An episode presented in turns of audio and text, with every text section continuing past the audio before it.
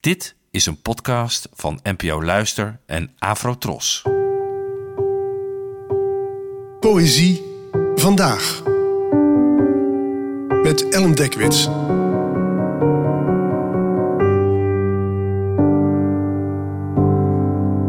Hallo, fijn dat je luistert. Het gedicht van vandaag heet Gedicht over mijn moederland. En het werd geschreven door de IJslandse dichteres Gerdur Kristni, geboren in 1970. En dit gedicht werd vertaald door Kim Middel en Roald van Elswijk. Gedicht over mijn moederland. De kou biedt me uit bezorgdheid een hol aan. Ik zou mijn oor bij de barst in het ijs leggen, in de hoop het te horen wijken, als ik niet wist dat ik vast zou vriezen. Het ijs laat niemand gaan. Je kunt er beter aan toegeven. De sneeuwvlakte. Een dekbed om onder te kruipen. Een veertje tussen velen. IJsland. Een uitgestrekt doodsbed. Mijn naam geborduurd op een bevroren sloop.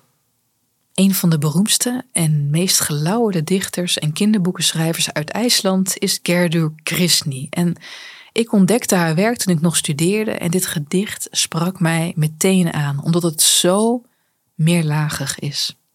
Het gaat, zoals de titel al suggereert, over Kristni's moederland. En het neemt een bijzonder ambiguë houding aan ten opzichte van deze bevroren geboortegrond. Je kan er soms niet je vinger op leggen wat er nou precies in deze tekst aan de hand is, waardoor het, wat mij betreft, juist blijft fascineren. Enerzijds is dit gedicht een lofzang op IJsland. Het klimaat is misschien wat ruw, maar ook vol compassie. De kou biedt immers, zo valt er te lezen, uit bezorgdheid een hol aan. Met andere woorden, beschutting. En verderop wil de ik-figuur haar oor op het ijs leggen om het te horen wijken, haast om haar welkom te heten, maar tegelijkertijd weet ze dat dat niet kan, omdat ze vast zou vriezen gevolgd door Christni's uitspraak dat het ijs niemand laat gaan. Het landschap biedt dus niet alleen beschutting, maar kan je ook in gevaar brengen. Halverwege het gedicht wordt de sneeuwvlakte een dekbed waaronder je kan kruipen, wat natuurlijk best wel knus en gezellig en veilig klinkt, maar je bent wel, zo staat er, een veertje tussen de velen, namelijk slechts opvulling. En IJsland wordt tenslotte een uitgestrekt doodsbed genoemd. Dat is het dan, denk je.